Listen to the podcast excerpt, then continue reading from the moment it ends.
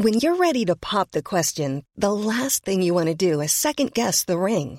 At Bluenile.com, you can design a one of a kind ring with the ease and convenience of shopping online. Choose your diamond and setting. When you find the one, you'll get it delivered right to your door. Go to Bluenile.com and use promo code LISTEN to get $50 off your purchase of $500 or more. That's code LISTEN at Bluenile.com for $50 off your purchase. Bluenile.com code LISTEN. Hiring for your small business? If you're not looking for professionals on LinkedIn, you're looking in the wrong place. That's like looking for your car keys in a fish tank.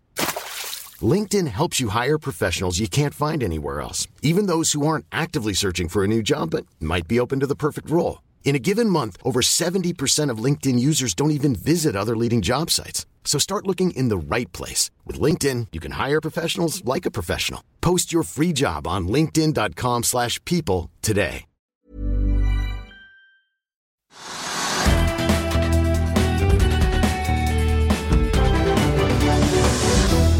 En riktig god onsdag denne dagen der på den store nasjonaldagen. Det har blitt 18. mai, og dette er Økonominyhetene her i Finansavisen. Der vi får besøk i studio av Handelsbankens sjeføkonom Marius Konsholt Hov, som er ute med ferske prognoser. Vi får også teknisk analyse av supply-aksjen Doff, og det blir dagens aksjetips. Men først la oss ta en titt på markedet, for etter en oppgang på 0,39% på mandag og null handel i går, så ser det lyst ut på Oslo Børs. Hovedindeksen er opp ja, rundt halvannen prosent akkurat nå. To av de som bidrar er jo Equinor og Aker BP. Begge de er opp rundt 3,5 i dag, etter en oppgradering fra hold til kjøp av DNB Markets i en sektorrapport som ble sluppet litt tidligere.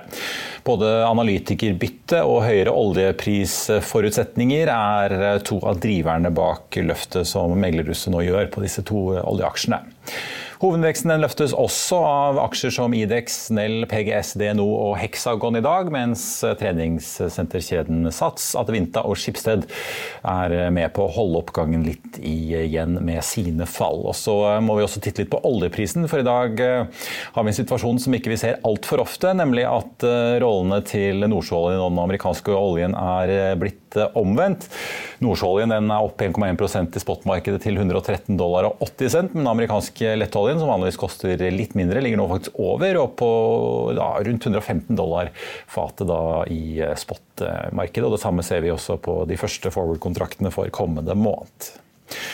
Så må vi innom, siden vi først snakker om olje, må vi innom Supply. For offshorerederiet Doff er den tredje mest omsatte aksjen på Oslo Børs i dag. Og den fortsetter oppover med 11,5% akkurat nå. Mandag steg jo aksjen hele 44 til nesten 3,5 kroner. Etter at selskapet ble tildelt flere kontrakter av brasilianske Petrobras til en samlet verdi av rundt 2,5 milliarder kroner. Kontraktene har fast varighet på tre år og opsjoner på ytterligere to. Oppstart er planlagt til fjerde kvartal i år, og oppgangen i aksjen er jo godt nytt for de stakkars aksjonærene i Doff, som har slitt lenge med at rederiet jobber med en stor restrukturering som vi fortsatt venter avklaringen på. Og apropos energi, vi må innom Tor Olav Trøims Golar LNG, for de melder at de skal omgjøre et gasstankskip kalt Golar Arctic til en flytende gassterminal for regassifisering på vegne av et italiensk energiselskap. Dette skal sikre energiforsyninger til Sardinia. Kontrakten er på det som tilsvarer 2,75 milliarder kroner med dagens eurokurs. Det kan du også lese mer om på fa.no. Salataksjen Calera er opp nesten 19% Calera har inngått en samarbeidsavtale med US Foods, melder de om i dag. Som en del av avtalen vil Calera samarbeide med selskapet om å utvikle og lansere nye produkter til det amerikanske selskapets marked, kunder i USA. Calera-aksjen har jo vært en av de som har slitt aller mest av nynoteringene på Aeronex Growth og blant disse vekst- og grønne aksjene som du kunne lese om nylig i FA. James Lighton ble 12. mai annonsert som ny konsernsjef i Calera, mens den konstituerte sjefen Curtis McWilliams skal da over i rollen som styreleder. Og etter planen så fusjonerer jo Calera med Agrico den 27. juni. Quantafuel stiger 11,7 i dag. Analytiker Håkon Amundsen i ABG hadde en kjøpsanbefaling og et kursmål på 42 kroner på Quantafuel før selskapets regnskap for første kvartal ble sluppet. Mandag kveld tok han grep og nedjusterte kursmålet til 30, samtidig som han gjentar sin kjøpsanbefaling. Quantafuel ligger nå på litt over 13 kroner. Og eh, vi snakket om Tor Olav Trøim. Riggselskapet hans Bård Drilling er ned 1,8 i dag. Onsdag morgen meldte Bård at selskapet har fått en kontrakt for Jacob Riggan Saga for en ikke-navngitt operatør i Sørøst-Asia. Og selv om aksjen er litt ned i dag, så er den jo kraftig opp, hele 173% da siden nyttår. Før vi går videre i sendingen, husk at du også kan se sendingene våre ved å gå inn på fano-tv, og at vi også har andre podkaster enn bare Økonominyhetene, som Morgenkaffen, Gründerpodkasten Veien hit, Ukens vintips, Kunstpraten og bilpodkasten Mil etter mil. De finner du ved å søke Finansavisen, der du hører på podkast. Hiring for your small business? If you're not looking for professionals on LinkedIn, you're looking in the wrong place. That's like looking for your car keys in a fish tank.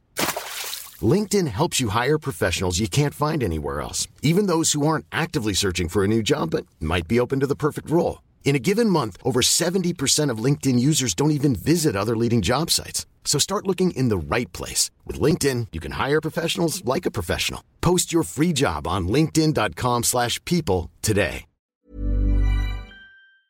I'll see you in court. Vi sier det ofte litt på spøk, men for deg som driver business, er det aldri moro å innse at du ikke har laget en 100% gyldig kontrakt. Du bør ikke risikere hele firmaet ditt fordi du synes dette med kontrakter er litt stress. En avtale er ikke en avtale. Du kan miste kunder, miste venner, ja, til og med miste inntekter om du ikke lager en skikkelig kontrakt, på alt mulig, egentlig. Men vi vet det er et styr. Kopimaskiner, treg printer og haugevis av papir. Dessuten stoler vi jo på folk her i landet. Det er ofte litt kleint å skulle be om en signatur for alt mulig, ja, for mye av styret handler også om jakten på underskriften. Det finnes en enkel måte å løse dette på, Dukkobit, en trygg, effektiv og get this, gratis måte å sikre seg en god natts søvn pluss en juridisk bindende avtale. Dukkobit-appen har de strengeste sikkerhetskrav i bunn, samt en EU-godkjent og sertifisert teknologi. Framover vil det bli behagelig å spørre du, skal vi skrive under på det, eller? Kom i gang på dokobit.no. Etter kraftige kursfall er det jo ofte sånn at eh, man kan få tak i aksjer på billigsalg. I dagens aksjetips ser kollega Sindre Nikolai Aker nærmere på noen aksjer som nå blir stemplet som nettopp billige. Og det er snakk om et eh, italiensk, fransk, amerikansk bilkonglomerat, fransk luksus og dansk fornybar. Bare se her. Dette er aksjene med den beste risk-rewarden i Europa, sier Morgan Stanley. Det er onsdag 18. mai, og dette er noen av dagens oppdateringer fra meglerhusene. Storbanken Morgan Stanley har plukket fem store, stabile aksjer med det de tror kan gjøre det sterkt til tross for stigende inflasjon og krig i Ukraina. Samtlige aksjer blir omtalt som billige sammenlignet med konkurrentene ellers i verden. Først ut er eh, bilprodusent Stellantis, som har en oppside på 40% fra dagens kurs. Morgan Stanley tror også at luksusmerket Louis Vuitton kan stige hele 50 Fornybargigant eh, Ørsted spås opp 40 eh, fra dagens nivåer. Meglerhuset understreker som mange andre at det er lurt å holde seg til verdiaksjer og ikke vekstaksjer. Høye, stabile utbytter er prioritert, og da anbefaler banken å investere i forsikringsselskapet Allianz og telekomselskapet Vodafone. Liker du å investere i indeksfond, anbefaler Morgan Stanley London-indeksen. Til tross for sterk utvikling hittil i år, er indeksen en av de billigste mulighetene nå om dagen, sier Morgan Stanley. Vi skal snakke makro nå. Vi har Handelsbankens sjeføkonom Marius Gonsholt Hov på veien i studio med sine ferske prognoser. Men først skal vi varme opp litt her for mangeårig toppsjef i investeringsselskapet Pimco. Nå rådgiver for Allians og bidragsyter hos Bloomberg. eh, Mohammed Al-Erian han mener nå stagflasjon i USA er uunngåelig. Her forklarer han hvorfor han mener det til Bloomberg litt tidligere i dag. Um, you've been banging on, you know, banging the drum about the Fed being too late. Is a recession at this point now unavoidable in the U.S.?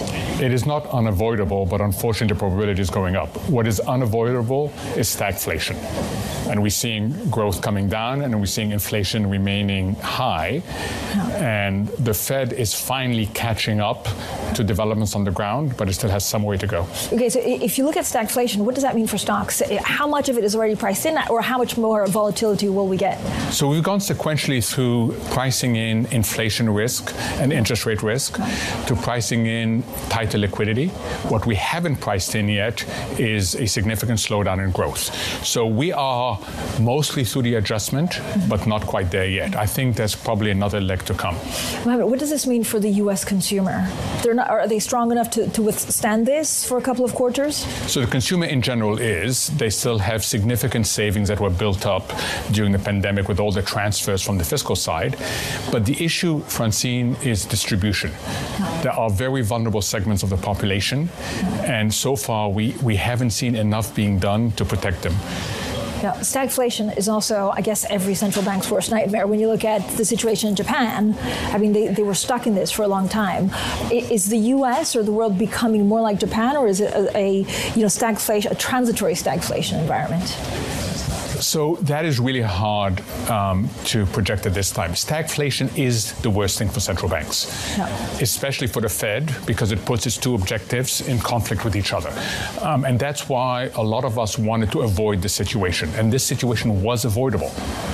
That's what, what sort of upsets a lot of us. It was avoidable had the Fed not stuck to its transitory inflation characterization. Now that we're here, it is very hard to find a first best policy outcome. So the Fed is going to have to make a very difficult choice. Um, you know, a lot of people say it needs luck and skill. Well, it needs a lot of luck at this point. Da skal vi få inn eh, dagens gjest. Norges Bank fremskynder sine rentehevinger og bidrar til boligprisfall neste år. Det tror eh, sjeføkonom Marius Konsot Haa. Velkommen til oss. Jo, takk. Dere er ute med, sammen med kollegaene deres får vi si, i resten av handelsbankesystemet med prognoserapporter, som vi finansjournalister jo som alltid er veldig glad i. Der står det jo masse spennende. Kanskje vi skulle begynne litt med, selv om dere fokuserer på Norge, jeg tenkte vi skulle bare begynne med nettopp dette med USA. Eh, Det er jo Fed og rentesettingen der som er den som alle følger med på, eh, virker det som. Tror du på dette Det jo- stagflasjonsspøkelset som eh, Lerien eh, frykter her? Det er jo det, altså klart Norges Bank blir litt sånn eh, liten oppi dette store spillet her. sånn. I den store andammen, ja. ja. Men eh, for å holde oss til eh, Fed. eh, det er klart at eh, det er litt sånn tematikk i rapporten nå, vanskelig balansegang, som, eh, som er liksom det dominerende temaet her. sånn. Det er klart eh, De kjemper en hard kamp nå mot eh, veldig høy inflasjon. Og eh, si, Forsikringene fra den amerikanske sentralbanken er at de skal få til dette her uten å kvele veksten, for å si det litt enkelt. Men så ser vi jo nå at de, jo, de utspillene vi har sett fra sentralbanksjefen sjøl i det siste, er litt mer sånn Han snakka tidligere om soft landing, nå er det soft-ish landing. Ja. Så det er klart at eh, man er litt sånn nærmere det punktet hvor veksten kanskje må ta seg ytterligere ned for å få eh, dempa inflasjonen. Ja, for En stram line var vel tittelen på eh, rapporten Ja, deres i dag. Ja, altså, vi så jo inflasjonen i USA, to, i hvert fall foreløpig, toppet seg jo på 8,5 Det er klart, nå ja. i mars. 8,3 i april. Det er kanskje litt uh, tidlig å si at uh, inflasjonsfaren er over, men uh, hvis Ja, vi jeg tror liksom toppen er over. Ja. Og det er i hvert fall sånn i nærmeste månedene. fordi at det som skjedde i fjor, var at vi hadde et helt ekstremt sterk månedsvekst. Samme periode i fjor. Mm. Og det er klart at eh, det, Hvis ikke det gjentas nå, og det var litt det vi så tegn til i disse apriltallene, så vil årsveksten falle. Men samtidig så er det jo bra trykk da, i månedsveksten nå, så spørsmålet er liksom hvor langt ned kommer inflasjonen. Og noe av det som eh, man bet seg særlig merke sist, det var jo at månedsveksten i kjerneinflasjonen var jo veldig sterk. Ja. Så, så det er klart du kan få årsveksten litt ned pga. disse basisvirkningene, som vi kaller det. Disse år-over-år-effektene. Men det er liksom hvor er inflasjonen på vei etter at det er uttømt? da. Og sånn som bildet er nå, så er det fortsatt veldig sterkt prispress i amerikansk økonomi. Ja.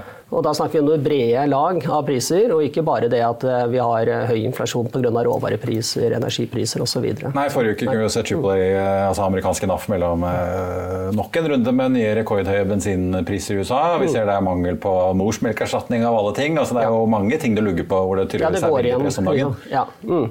Så jeg tror nok en del liksom så for seg at kanskje ble inflasjonen høy pga. enkeltpriser, altså at du får økning i energipriser, råvarepriser osv., som gir så veldig sånn direkte effekt på eh, konsumprisindeksen. Men man har jo etter hvert sett at dette her er jo en mye bredere prispress. Altså. Så, ja. Og så fikk Og det er jo- det som bekymrer. Ja, og det er ikke bare USA. Vi fikk jo britiske tall i dag. Inflasjon på eh, 9 Ja, det Det høyeste på eh, De gravde frem i det britiske SSB, og Ja, nettopp det- kanskje i 1982 så var det en periode med litt høyere, men det er jo eh, voldsomme tall.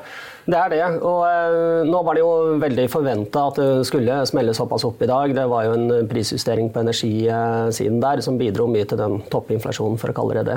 Men eh, vi så jo at kjerneinflasjonen var jo også ganske mye opp. Eh, så igjen, altså inflasjonen som vi ser nå i store økonomiene rundt oss, det er ikke bare pga. enkeltpriskategorier. Det er generelt sett bra trykk. Altså, noe av det som vi også så fra Storbritannia denne uka her, var jo at det strammet seg enda mer til i arbeidsmarkedet, og lønnsveksten der overraska igjen ganske godt på oppsiden.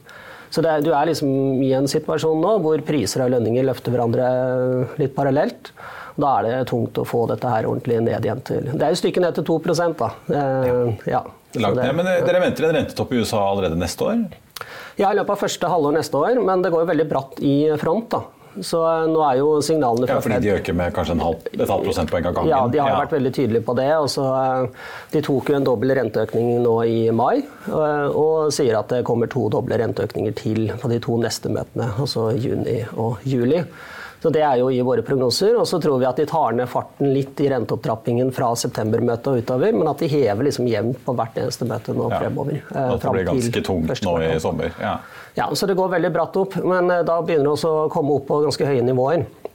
Det er jo eh, noe av poenget i analysen. At eh, da strammer det seg mer til. Du begynner å komme over det som er et eh, det nøytralt nivå. Da. Og det er jo det som Fed ønsker. altså De ønsker å stramme mer til, og da må renta opp til et, et visst nivå da, for å få til det. Mm. Apropos her hjemme, vi har jo fått ny sentralbanksjef som sitter og pønsker på mange av disse samme problemstillingene. For, altså, inflasjonen her hjemme er jo ikke, ja, den er ikke 8-9 men den var jo 5,4 på årsbasis mm. de siste tallene vi fikk fra SSB. Nå ligger vi jo styringsretten i Norge på 0,75. eh, Så har det vært snakket om i hvert fall at Norges Bank har lagt opp til syv eh, økninger. Men dere slenger på en til ekstra i år. Forklar litt om hva dere nå tror vil skje. Ja, og egentlig det, ser du det opp mot hva som prises i markedet i dag, så er jo det ikke så, så er jo det beskjedent, egentlig. Altså, så vi, vi tenker at styringsrenta her går opp til 1,75 utgangen av året. Litt over Norges Banks anslag så langt, på 1,5, men markedet priser opp mot 2% Så det er, det er krefter i sving her, eh, helt åpenbart, som, som gjør at eh, både vi og markedet vurderer at det er noe oppsiderisiko til Norges Banks rentebane, sånn, i hvert fall i det korte bildet. Og um, To ting å dra fram. Altså det går bedre i norsk økonomi enn Norges Bank har tenkt. Arbeidsledigheten er lavere igjen enn de hadde trodd, og den er også da svært lav. Det er jo et viktig poeng her, og vi ser det er mye press i norsk økonomi nå. Inflasjonen, kjerneinflasjonen, er videre på vei opp. Jeg tipper vi kommer opp i 3,5% i løpet av eh, høsten i hvert fall. Så, eh, så det er klart at ja, det er ikke de samme ekstremutslagene som vi ser i landene rundt oss, men det er likevel en situasjon med lite ledige ressurser i norsk økonomi. Det er generelt stramt. Bare se den rapporten fra Nav som kom i dag. Ja, for de melder om altså, Ekstrem mangel på arbeidskraft. alvorlige Ja. rekrutteringsproblemer innenfor Ja. Mm. liksom helse, bygg og anlegg, eiendomsdrift, forretningstjenester, overnatting, servering. Det er, liksom, Ja, det det er, er- ganske rundt der, det er virker det som. det meste, er bare oss journalister det er ikke noe problem å få tak i, kanskje. Det kommer, det også. Ja. Så, Men, men altså, nei, så, men det- litt, er, det, er det sånn historisk veldig stramt nå i Norge også? Altså, hvis du ser på de indikatorene vi har, så ligger de på veldig høye nivåer. Og det er klart, altså, skal du finne noe sammenlignbart, så er vi tilbake igjen til 2008, eh, før finanskrisen. Og det er liksom de referansene som hele tiden går igjen nå. Og det er klart det var en situasjon med, med veldig høy kapasitetsutnytting i norsk økonomi, høy inflasjon, mye høyere renter enn det vi har nå. Så det er klart at eh, det er eh, Vi mener at sånn på kort sikt så er det risiko for at Norges Bank øker renta raskere enn det de har sagt hittil. Ja. Eh, Men roer seg litt ned neste år? ja, sånn som altså, tror, det? Ja. og det er liksom forlengelsen av det argumentet er jo også at da kan rentetoppen også bli litt lavere. da. Men jeg tror det er, stor usikkerhet rundt dette her. Men det som er bildet her og nå, er at man priser inn rett og slett risiko for at inflasjonen her også blir en god del høyere enn det vi ser fremover. Og det er også vår sånn, vurdering nå, at med den de presstendensene vi har i økonomien, eh, de indikatorene vi har på dette her, lønnsoppgjøret nå, den stramheten vi har i arbeidsmarkedet osv., så, videre, så ender vi i en situasjon med lav ledighet, høy kjerneinflasjon. og Da bør også renta reflektere det. Og renta i Norge er jo fortsatt veldig lav. Ja. Så, eh, Historisk sett for så er det jo fortsatt billig å ha boliglån. Eh, Ja, Ja. det er det. ikke sant? Og dette her er et poeng sånn i seg selv. Altså, Norges Bank sier jo at en normal styringsrente er på rundt 1,7 Eh, Det betyr at vi skal ganske mye opp fra de nivåene vi er på nå, bare for å komme i en normal tilstand. Da. Ja, og, ja for dere regner med altså, fire hevinger i år. Da er vi på 1,75 ja, på slutten av året. Da, kan du si, da er vi på en måte mer nøytralt territorium. Uh, skal man stramme inn, så må jo renta opp over det. Og Det er litt sånn ref den diskusjonen vi akkurat hadde om eh, amerikanske sentralbanken. Altså, her kan man ikke bare sette renta opp til normalen, fordi vi har en situasjon som ikke er normal. Det er, eh, det er press i økonomien, høy inflasjon. Dermed bør også renta være høyere enn det som er normalt. Men altså, en styringsrente på ja, Siden er da 1,75 ved utgangen av året, men mm. biter vel mer enn det samme for, uh, i 2008, for vi har jo mye mer gjeld. Ja, det er ja. klart. Uh, så, og du, vi kan ikke sammenligne med de eh, rentenivåene som vi hadde tilbake igjen i 2008. Men vi kan se dette er opp mot hva Norges Bank mener er et normalt rentenivå. Og når de sier at det er 1,7% så er det det vi forholder oss til som hva er, liksom, hva er bare normalisering av pengepolitikken. Da, det er i hvert fall for renta opp dit. Eh, det er på en måte normaliseringen. Skal man stramme til, så, så bør man i overkant av det. Ja. Mm. Hva slags faktorer, Det er jo mye diskusjoner om hva som er selvforskyldt av interne økonomiske forhold i Norge, og hva mm. som kommer utenfra. Mm.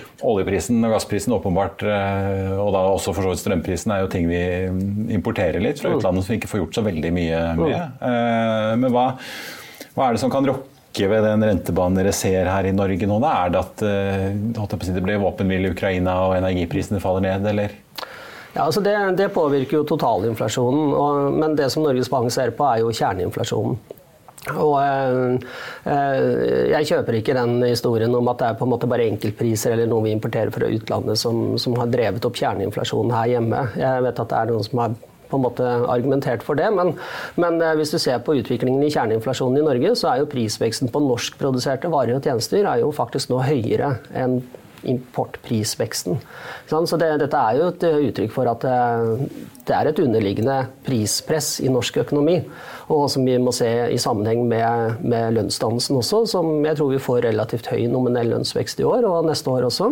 Og det legger grunnlaget for at kjerneinflasjonen kommer til å høye, holde seg forholdsvis høy og over målet til Norges Bank. Ja, for Vi fikk jo en litt sånn interessant utveksling her i forrige uke, mm. da plutselig LO sin sjeføkonom og LO-leder Per Gesen Følsvik mm. begge var ute og, og, gikk litt ut mot Norges Bank egentlig, mm. og sa at eh, nå må ikke dere jekke opp renten for mye, for dette mm. er importerte ting og vi har kontroll på ja. uh, lønnsoppgjørene og lønnsdannelsen, ja, ja, og dette skal vi holde på 3,7 mm. Eh, men mener du at, det, at, den kritikken er litt feilslått? da? At det, det, er egentlig en prisvekst her som Altså Jeg tror lønnsveksten blir høyere enn frontfaget. Så, eh, men samtidig, altså de har et godt poeng i, i det at lønnsdannelsen i Norge holder ting mer i sjakk enn det vi ser i andre økonomier.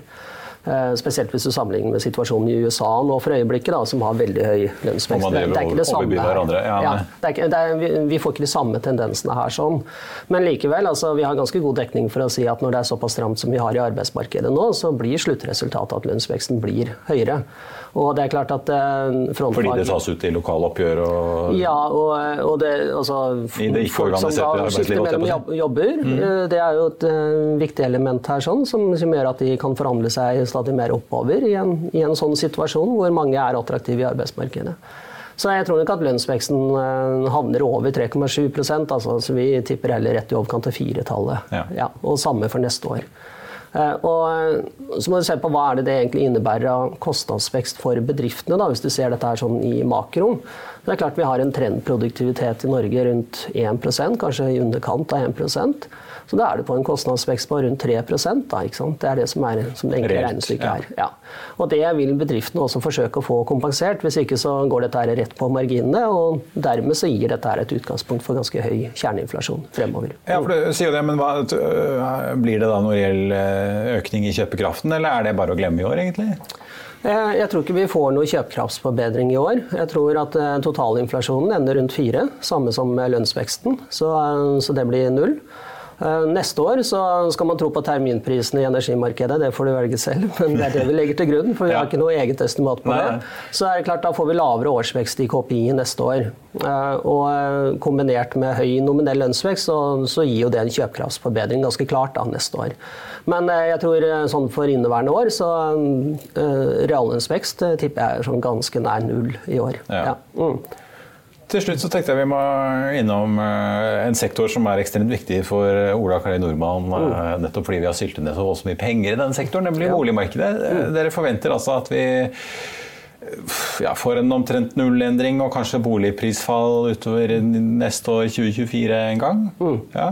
Er det bare renten, eller er det ja, hadde det bare vært renta, så hadde jeg spådd et ganske kraftig fall. Mm. Så eh, Du innleda jo litt sånn dramatisk rundt dette her, men jeg mener at vi tegner opp et sånn relativt nyansert bilde av boligmarkedet fremover. Men jeg syns med de eh, renteplanene til Norges Bank og de utsiktene som vi har nå for rentesettingen fremover, så tror jeg det biter såpass at vi kan få noen nedgang i boligprisene neste år. Ja, For det ligger på en prosent, en prosent, ja, det, er, 1,25 liksom? Det er det området der vi snakker? Ja. Altså, ja. skriver at trolig liksom årsveksten på det meste er sånn minus 1,5 til minus 2 mm. kanskje. Og så vil det jo stabilisere seg etter hvert som Norges Bank når rentetoppen. Men det er klart du ville fått et mye dypere fall hvis eh, vi hadde fått den renteoppgangen som, eh, som vi tegner opp nå, uten at du hadde fått den sterke lønnsveksten i tillegg. Så Det er et veldig viktig forhold her. Sånn. Ja. Så eh, du kan se Den akkumulerte virkningen av sterk lønnsvekst da, det tror jeg er langt på vei liksom står imot uh, renteoppgangen. Men uh, sånn netto så tror jeg likevel at uh, det kan bli noe nedgang. Ja, og Vi hører jo fra, altså, fra boligbransjen om at det er en del nybyggingsprosjekter som legges på is nå, rett og slett fordi mm. det, det, er så usikkert med hva prisen er. Så det er, ja, det er og, utbyggere som ikke tør å sette spaden i jorden. Mm.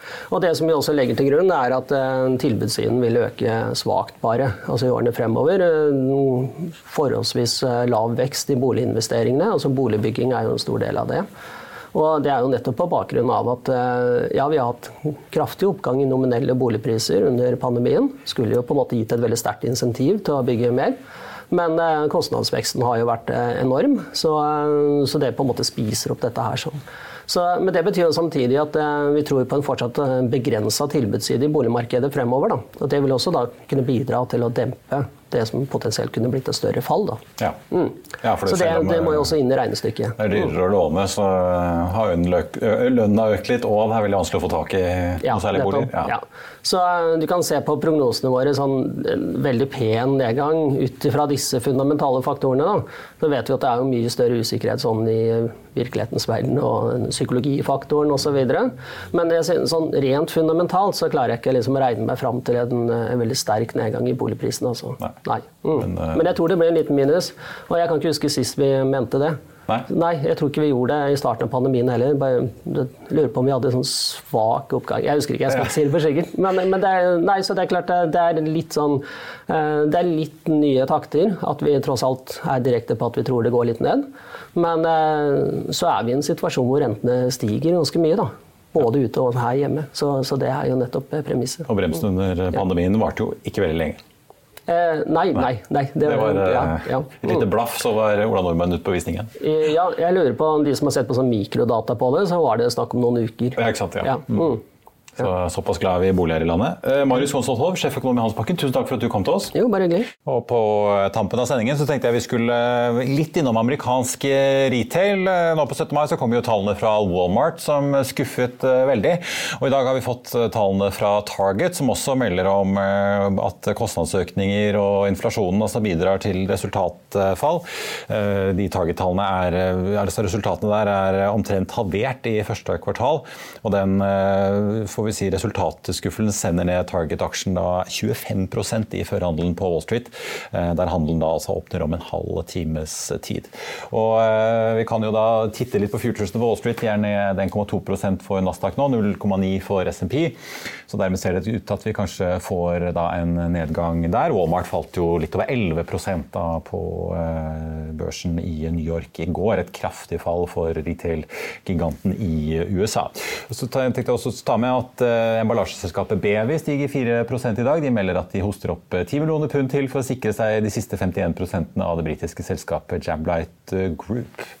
På Oslo Børs ellers er Calera salataksjen opp 18,3% i dag. Olar LNG stiger 2,9% på denne kontrakten som vi snakket om litt tidligere på Sardinia. Og så er da Equinor og Aker BP fortsatt opp litt over 3,5 etter oppgraderingene fra DNB Markets i dag.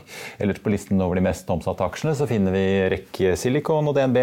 REC opp hele 7 i dag. DNB tikker opp så vidt over 0,03% etterfulgt av Doff, som også er en av de mest omsatte aksjene, opp 8,8 Fortsatt eh, god surf i den aksjen etter nyheten om kontrakter med brasilianske Petrobras. Og I råvaremarkedene ligger fortsatt den amerikanske lettoljen ja, rundt dollaren over nordsjøoljen. Litt uvanlig situasjon. 114 mot 113 dollar i eh, spotmarkedet.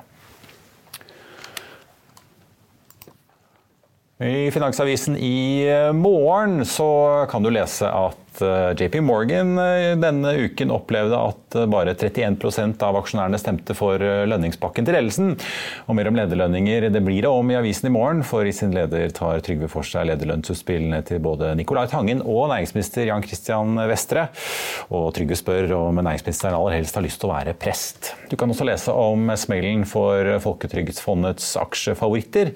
Det blir børsintervju med CMC Markets Henrik Sommerfelt, og du kan lese om at Eh, kontorledigheten i Stavanger eh, faller. Det var vår sending på den eh, dagen der på 18. mai. Takk for at du så på. Vi er tilbake i morgen klokken 14.30. I mellomtiden får du som alltid siste nytt på fa.no. Mitt navn er Marius Thorensen. Takk for nå.